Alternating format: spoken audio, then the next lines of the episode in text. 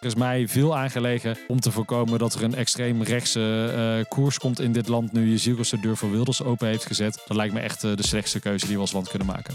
Welkom bij Haagse Bluff. In deze serie onderzoeken we wat de politieke partijen van plan zijn met ondernemend Nederland. In hoeverre kennen ze de ondernemerspraktijk eigenlijk van binnenuit? Dit is een podcast van Forum, met opinieblad van VNO-NCW. Dat is ook, uh, vind ik, de les van de afgelopen paar jaar... waar politiek en bedrijfsleven heel erg tegenover elkaar hebben gestaan. Terwijl de uitdagingen met verduurzaming, de arbeidsmarkt, uh, zijn nu zo groot. Co-host vandaag is Pascal Teunissen, redacteur van Forum. In deze podcast bespreken we actuele en urgente ondernemersthema's... met Haagse lijsttrekkers. Wat maken ze waar van hun belofte of blijft het bij Haagse Bluff? Vandaag is de gast Rob Jetten, lijsttrekker van D66. En we hebben afgesproken dat we mogen tutoyeren. Yes. Daarvoor. Bij de vorige verkiezingen stond de vorige lijsttrekker Sigrid Kaag... Uh, na een grote overwinning op de tafel te dansen van vreugde.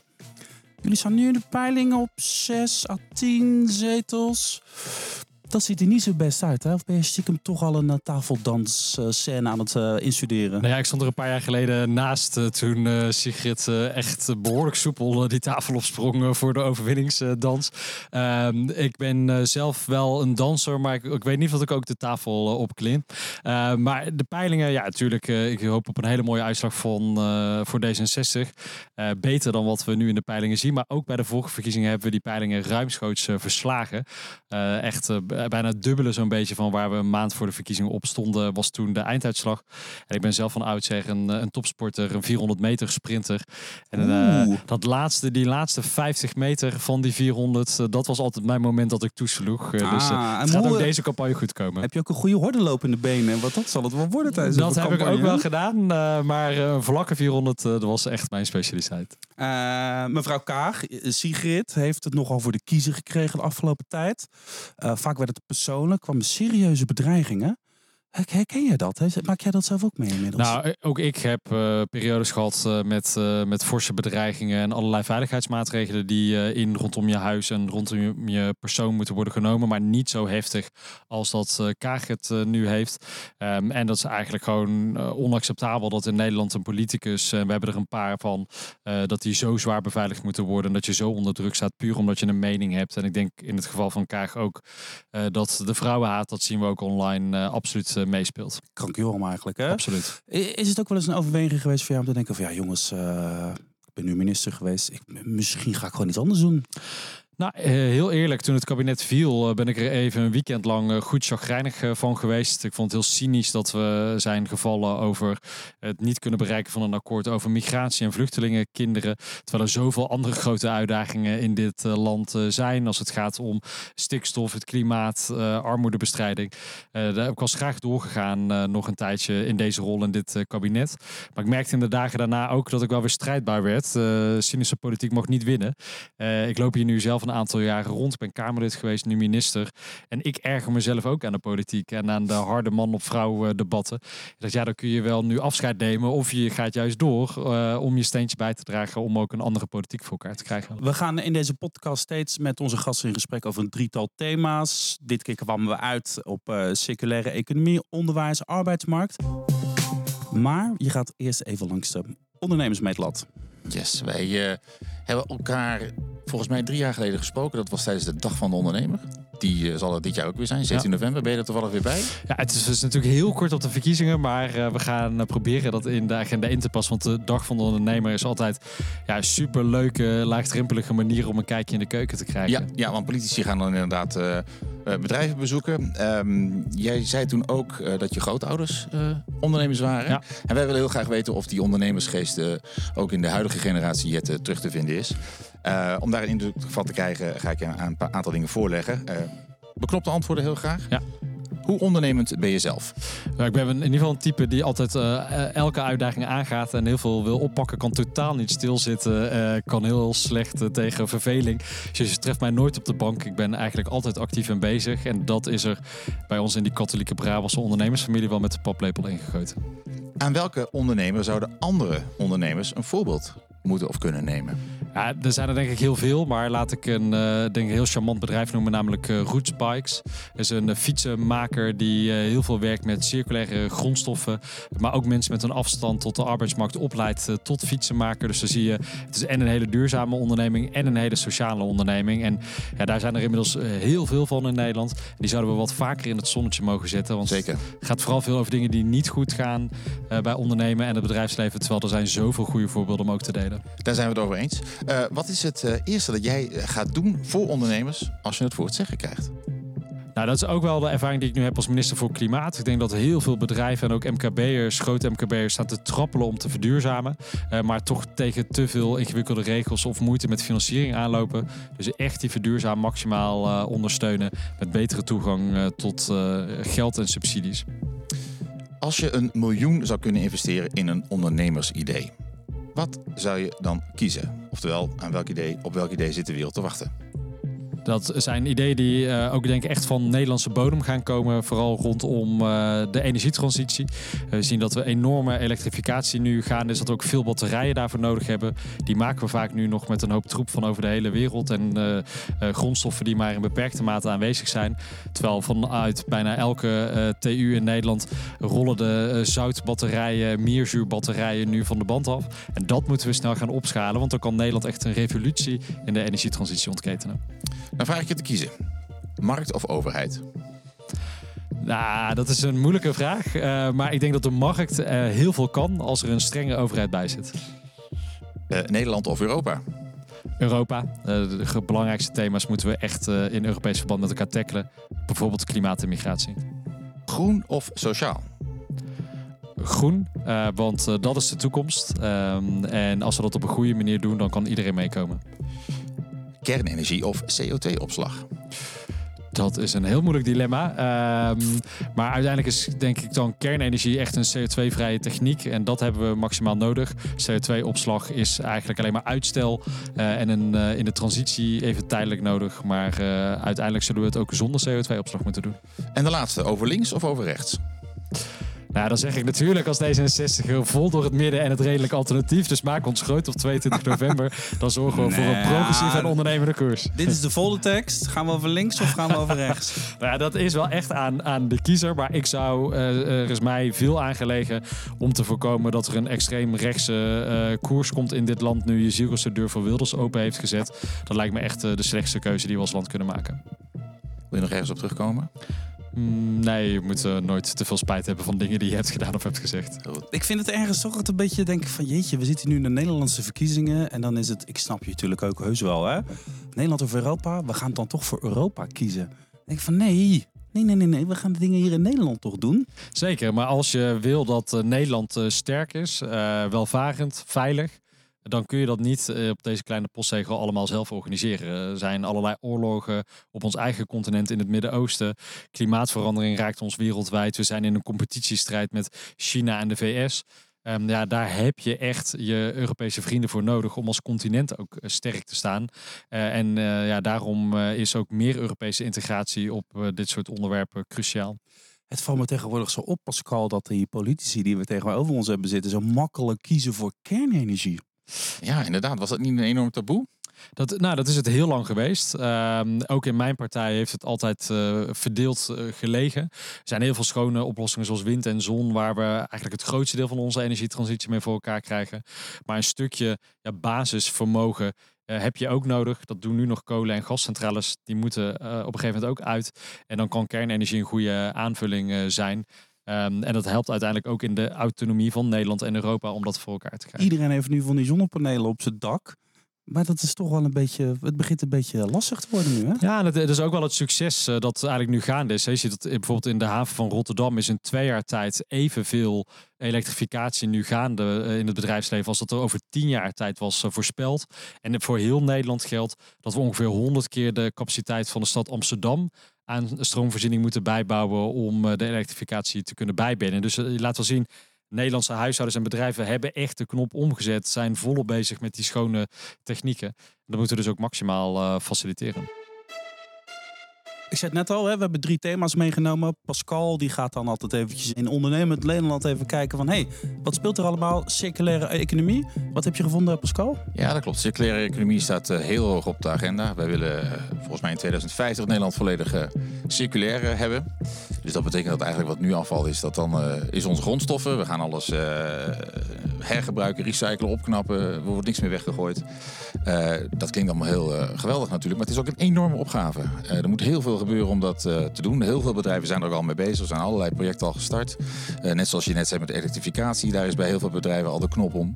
Ja. Dat geldt ook voor circulaire economie. Daar zijn we wel heel hard mee bezig. Maar hoe kun jij ondernemers daarbij helpen? Dat is een uh, heel uh, belangrijk onderwerp. We zijn de afgelopen jaren in Nederland uh, met een grote inhaalslag bezig geweest op klimaat. We zijn eindelijk de klimaatdoelen in zicht nu hè, voor 2030. Maar daar is de focus heel erg geweest op minder CO2 uitstoten. Terwijl uiteindelijk wil je naar een klimaatneutrale samenleving. Dus dat we inderdaad circulair met onze grondstoffen omgaan. Dat vraagt eigenlijk nog een hele andere mindset. Hè. Vaak begint het al bij het ontwerp. Hoe kun je ontwerpen met grondstoffen waarvan je zeker weet dat je die aan het eind van de keten ook weer kan uh, hergebruiken. En de overheid is nu pas eigenlijk aan het leren hoe kunnen we het bedrijfsleven hier ook maximaal uh, in, uh, in ondersteunen. Heel goed voorbeeld van afgelopen jaar is onder andere bioplastics of het biobased bouwen. Je kunt huizen geweldig isoleren met uh, ja, producten die gewoon van het Nederlandse land afkomen. Maar de wet en regelgeving loopt daarin nog hopeloos uh, achter. Dus vooral echt moderniseren van wet en regelgeving en het beschikbaar maken van financiering voor circulaire bedrijven is uh, hoog nodig. Ja, hoe zit je met dat laatste? Het moet wel geïnvesteerd worden natuurlijk. Hè? Afgelopen miljoenennota iets van 250, 260 miljoen volgens mij uit het Klimaatfonds. Ja, het Klimaatfonds inderdaad. Maar is dat genoeg? Moeten we niet over veel grotere bedragen gaan hebben dan dit? Ja, het zullen grotere bedragen moeten worden. Uh, maar we pakken het nu eigenlijk thema voor thema aan. Omdat we heel lang zeiden tegen elkaar, circulariteit is belangrijk. Ja, superbelangrijk, maar dan gebeurde er eigenlijk te weinig. Dus op een gegeven moment klopten er ook een paar bedrijven bij mij aan. Die zeiden, nou, ik zou uit de restanten van suikerbieten of uh, andere producten, zou ik plastic kunnen maken. Dan hoeven we dat niet meer te doen op basis van olie.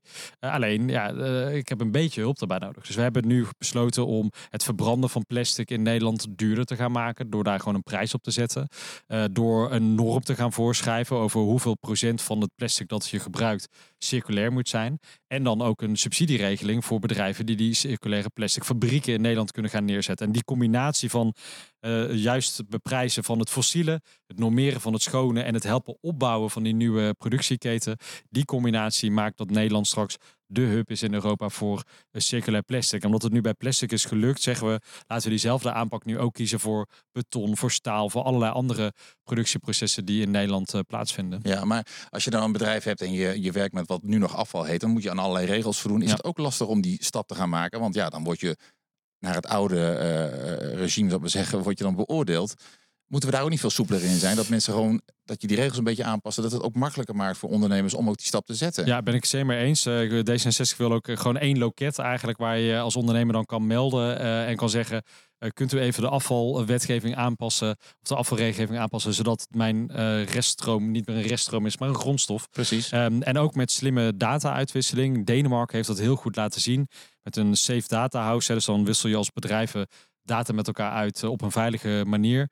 En dat je op die manier gewoon kan ontdekken, hé, er zit bij mij in de buurt een bedrijf met een afvalstroom dat ik eigenlijk als grondstof zou kunnen gebruiken. En dat je dan ook daar uh, ja, lokaal en regionaal uh, elkaar uh, veel meer zou kunnen helpen. Dus de overheid moet hier veel meer een facilitator zijn. Want dat heb ik ook geleerd als minister voor Klimaat en Energie. Dat bedrijfsleven en die samenleving, jullie zijn die overheid al zo ver vooruit. Alleen wij lopen met onze fossiele wet en regelgeving gewoon nog enorm achter. En dan hebben we ook gewoon de concrete hulpvragen van het bedrijfsleven nodig. Ja. Je zegt net zelf, het gaat over veel producten. Het gaat ook over veel grondstoffen. Het gaat ook over veel verschillende soorten stoffen. Bij circulariteit kan je ook een heleboel kanten op. Uh, Planbureau voor de Leefomgeving die waarschuwt ook een beetje van ja jongens, let eens even op, dat gaat heel veel ruimte innemen. Mm. Er moeten fabrieken gebouwd worden, er moet logistiek, uh, transport moet allemaal geregeld worden, uh, reparatie, delen, recycling. Um, je ziet nu al dat industrieterreinen waar je eigenlijk verwacht dat dit een plekje zou moeten krijgen, die worden opgeofferd om woningen te bouwen. Mm. Uh, je zei net ook, we, we leven met z'n allen op een postzegel. Ja. hoe gaan we dat organiseren? Nou, dat is denk ik terechte waarschuwing. Want we hebben grote ambities in Nederland, maar aan ruimte altijd gebrek. Uh, dus we moeten ook goed, uh, goed kiezen. Uh, wat doen we en waar doen we dat? Um, en dat betekent soms ook iets sturender zijn als overheid. Hè? Dus als een bedrijf zich meldt met bijvoorbeeld een enorme energievraag of met een enorme behoefte aan een bepaalde grondstof. Dat we als overheid ook gaan kijken, ja, u heeft nu plek A bedacht, maar dat komt eigenlijk heel slecht uit met het ruimtegebruik. Maar we hebben op plek B in een haven bijvoorbeeld heel veel aanlanding van wind op zee. Gaat u vooral daar zitten, dan klopt het ook met de energiebehoeften die u heeft. Maar dit gaat dus ook over, de, over waar zet je bedrijven neer. Hè? Hoe ga je om met, je, met, je, met, je, met de indeling van het land wat je hebt. Maar dit gaat natuurlijk ook over waar gaan we die apparaten bouwen. Die moeten gaan recyclen. Waar gaan, waar, hoe gaan we dit hmm. gewoon fysiek inrichten? Ja. Heb, heb je daar al een soort plannetje bij? Ja, nou ja, ook hier uh, zie je dat we er al een paar hele mooie initiatieven zijn. Bijvoorbeeld ook een bedrijf dat heel goed is in het recyclen van de wieken van windmolens. Er zijn veel schaarse uh, materialen voor, voor nodig. maar je ziet dat de Nederlandse havens worden eigenlijk de, de beste in de wereld voor, voor windproductie of de bouw van windparken. Nou, dan zie je dat zo'n bedrijf in de haven van Rotterdam, of sorry, de haven van Groningen, mm maximaal wordt gefaciliteerd om juist daar te gaan zitten. Omdat daar dan alles samenkomt. De ruimte komt daar samen, de grondstoffen komen daar samen en de energie die ervoor nodig is. En D66 wil dus ook veel meer dat die overheid op die eigenlijk proactieve manier gaat meedenken met bedrijven over wat kan wel en wat kan niet en op welke plek. Maar we kunnen niet alle bedrijven in de havens gaan zetten. Dat, uh... Nee, nee, nee. Nee, dat is helemaal, heb je helemaal gelijk in. En ehm, uh, ik woon zelf in een, een, klein dorpje net buiten Nijmegen, maar uh, vlakbij in de Achterhoek zitten prachtige maakbedrijven. Uh, van van bakstenen en glas tot geweldig meubilair dat over de hele wereld wordt ja. verkocht. Dus je moet ook nadenken hoe kun je juist die, echt die maakindustrie in de regio en die familiebedrijven die daar zitten, hoe kun je die helpen? En bijvoorbeeld ook door waterstofinfrastructuur veel sneller juist naar die regio's toe te brengen om ook daar de verduurzaming mogelijk te maken. Ben je klaar voor het onderwijs, eh, Pascal? Ik ben klaar voor het onderwijs. Ben jij klaar voor het onderwijs? Zeker, altijd. Als het gaat over onderwijs, dan is opleiden natuurlijk voorbereiden op de toekomst. Hè? Maar hoe ziet het Nederland er straks uit en voor welke banen leiden we de jongeren dan op volgens D66? Hè? Welke skills hebben ze nodig? Hoe zie je dat voor je? Ja, en het gaat uh, altijd veel te weinig over het onderwijs en verkiezingscampagnes. Onbegrijpelijk. Het begint overigens echt met gewoon uh, de basis. Je ziet dat in Nederland nog steeds heel veel jongeren van de middelbare school afkomen met uh, te slechte taalbeheersing of niet goed kunnen rekenen.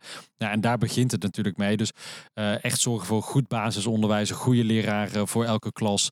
Um, en veel meer geduld ook met leerlingen in plaats van ze al in groep 8 in een hokje te stoppen. Uh, daar, uh, dat is cruciaal. Dan moeten we de komende tijd ook zorgen dat we veel meer aandacht hebben aan techniek, aan IT, aan die nieuwe skills. want heel veel van de banen die we de komende jaren gaan hebben in die duurzame economie, ja, die bestaan nu eigenlijk nog niet. Dus waar ben je mensen voor aan het opleiden? Nou, in ieder geval dat ze de techniek beheersen, dat ze de IT beheersen, zodat ze alle kanten op kunnen. Dus digitaal digitale geletterdheid in die eh, basisschoolklassen? Nou ja, ik denk dat je veel meer moet nadenken inderdaad van als het gaat om taalvaardigheid of als het gaat om ehm, eh, het ontwikkelen van, uh, van rekenmethodes. Hoe kun je dan meteen gebruik maken van allerlei digitale hulpmiddelen die er al zijn? Omdat dat ja, ook is, weet je, die kinderen van tegenwoordig groeien er natuurlijk mee op. dus zorg ook dat ze echt klaar zijn voor, voor die digitale toekomst waar ze zelf al onderdeel van zijn. Eigenlijk hoopten we dat, dat je deze vraag zou interpreteren als een soort uitnodiging om een soort toekomstvisie neer te zetten. Ik denk dat over al, al twintig jaar is eh, de Nederlandse economie echt totaal anders. Hè? Je hebt uh, nog altijd veel mensen werkzaam in bijvoorbeeld de zorg en het onderwijs.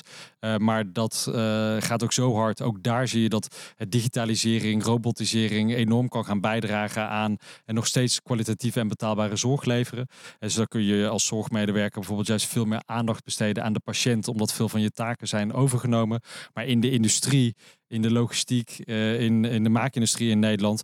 Ja, dat is circulair. Dat is ook meer gedigitaliseerd. Dat is ook veel meer uh, rondom elektriciteit uh, georganiseerd. Dus dat vraagt een heel ander type technische vakmensen. Je ziet dat gelukkig MBO's in Nederland al daar enorm op aan het doorontwikkelen zijn. Een automonteur van nu, die nu wordt opgeleid, ja, dat is straks gewoon een IT-specialist. Het is een heel ander soort opleiding tot automonteur dan we nu gewend zijn. Dus daar, daar daar moeten we ons gewoon op voorbereiden. Dat het is allemaal schoon en slim en dat vraagt dus ook uh, andere skills. Maar hoe ziet die wereld er dan uit? Is er een wereld die gedomineerd wordt of die voor een belangrijk deel wordt bepaald? Misschien wordt door tech, digitalisering, is dat de wereld waar we naar zitten te kijken? Nou, dat gaat inderdaad uh, een grote vlucht nemen en dus ook heel veel dingen makkelijker maken, maar vraagt ook dat we ons daar anders op voorbereiden. Maar ik denk ook, weet je, het gaat niet alleen maar om hoe uh, nu het basisonderwijs of het voortgezet onderwijs is georganiseerd, maar ook hoe uh, stimuleer je een leven lang leren. En in het verkiezingsprogramma van D66, ik vind het zelf een van de mooiste voorstellen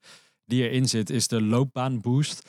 Uh, dat, de loopbaanboost? De loopbaanboost, dat kan oplopen tot 50.000 euro per Nederlander.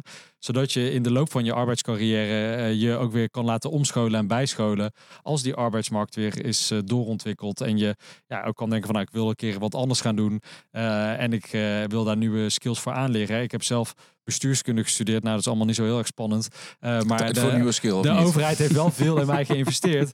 Uh, en uh, iemand die twee jaar een, een mbo-opleiding heeft gedaan en daarna meteen is gaan werken, heeft eigenlijk veel minder investering vanuit de overheid gekregen. Nou, laten we dat verschil nou vullen door die persoon dan een grotere loopbaanboost te geven, zodat hij zich later ook weer kan doorontwikkelen. Zie jij nou een, een toekomst voor waarin we alleen maar ASML's hebben? want het is natuurlijk meer dan alleen dat in Nederland. Nee, nou, dat, dat je wil koploper zijn op dat gebied als Nederland zijnde.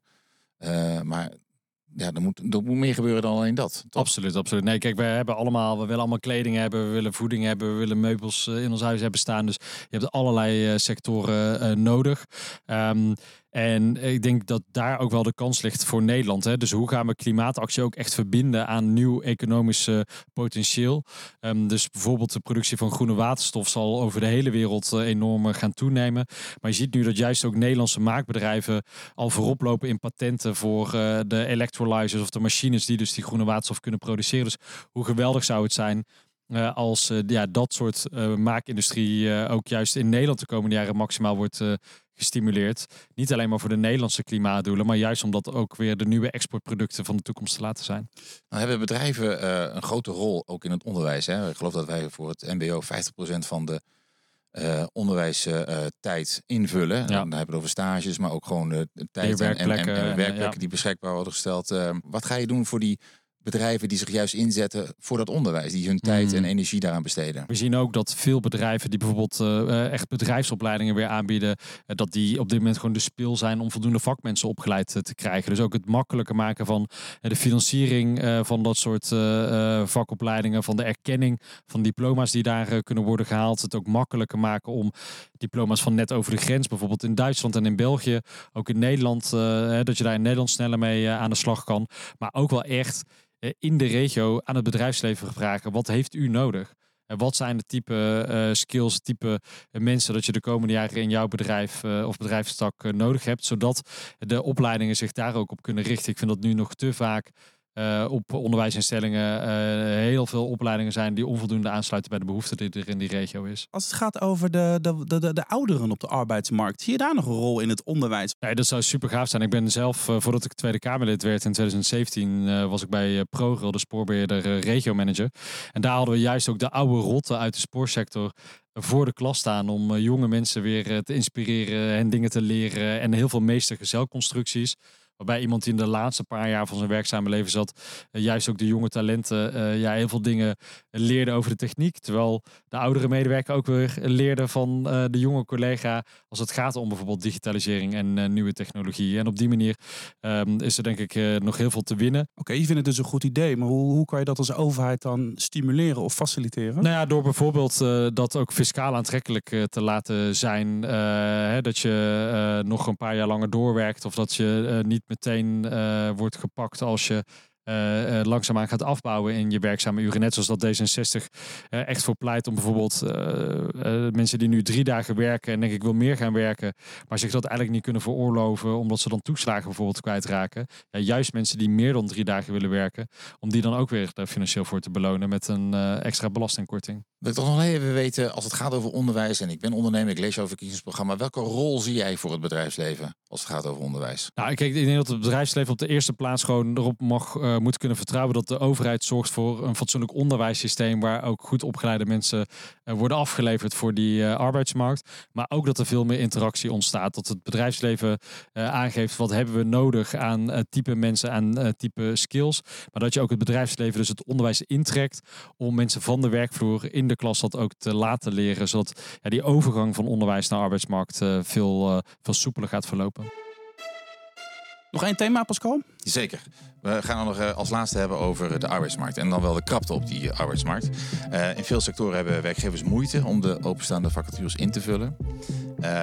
Alle gevolgen van die natuurlijk, want er liggen heel veel plannen. We hebben ze al benoemd. Grote zaken, energietransitie, digitale transitie enzovoort.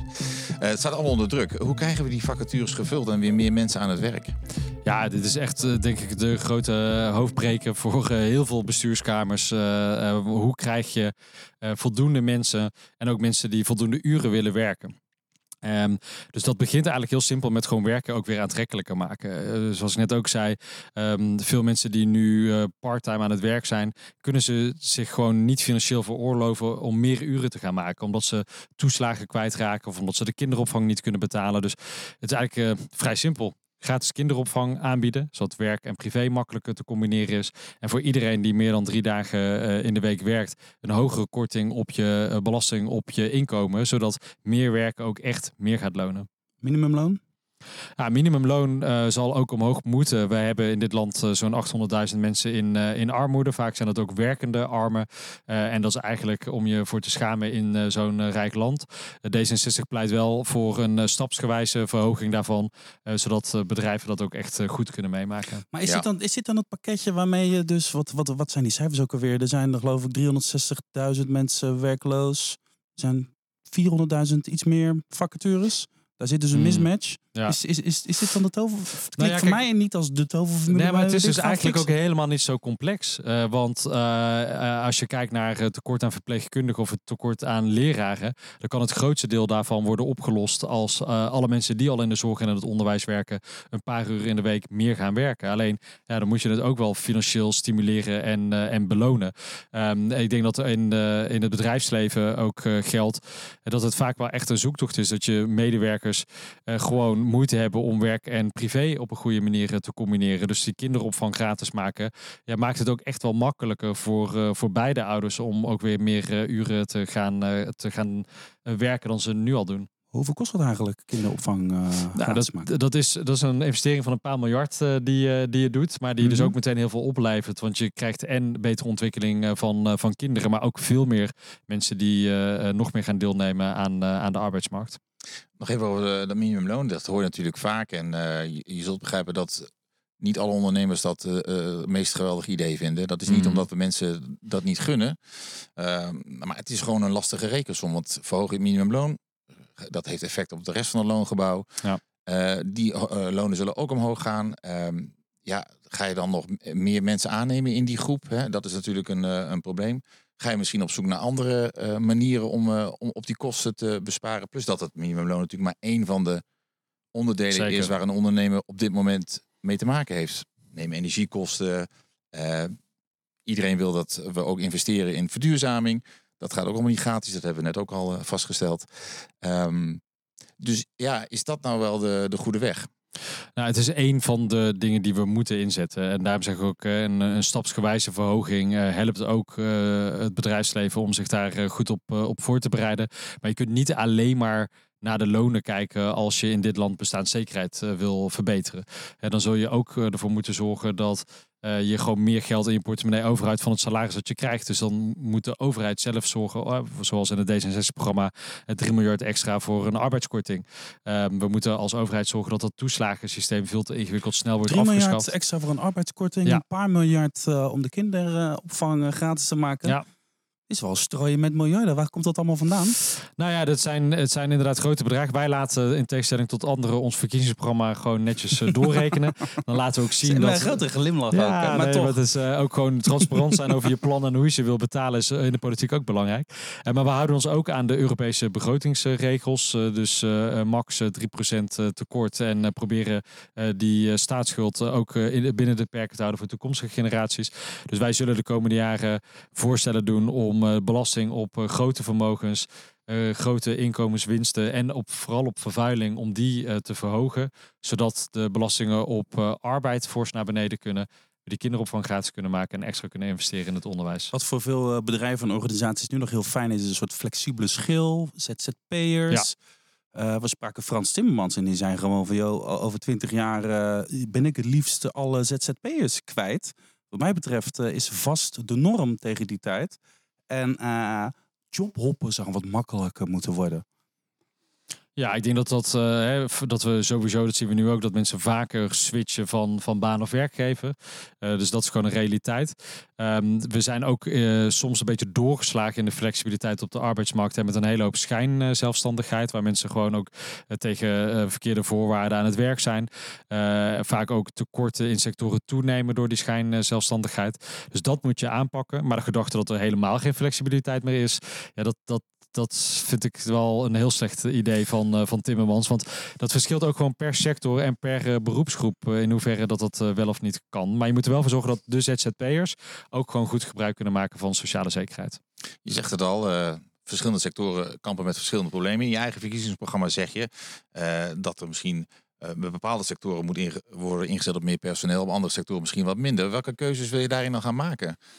Nou ja, dat, ik denk dat je de keuzes ook echt samen met het bedrijfsleven moet doen. En dat is ook, uh, vind ik, de les van de afgelopen paar jaar, waar politiek en bedrijfsleven heel erg tegenover elkaar hebben gestaan. Heel erg in simpele platte frames over elkaar hebben gesproken. Uh, terwijl de uitdagingen met verduurzaming, de arbeidsmarkt, uh, zijn nu zo groot. Dat ik ook hoop dat we veel meer weer een, ja, een overlegstructuur terechtkomen. Waarin we als overheid en bedrijfsleven samen kunnen vaststellen.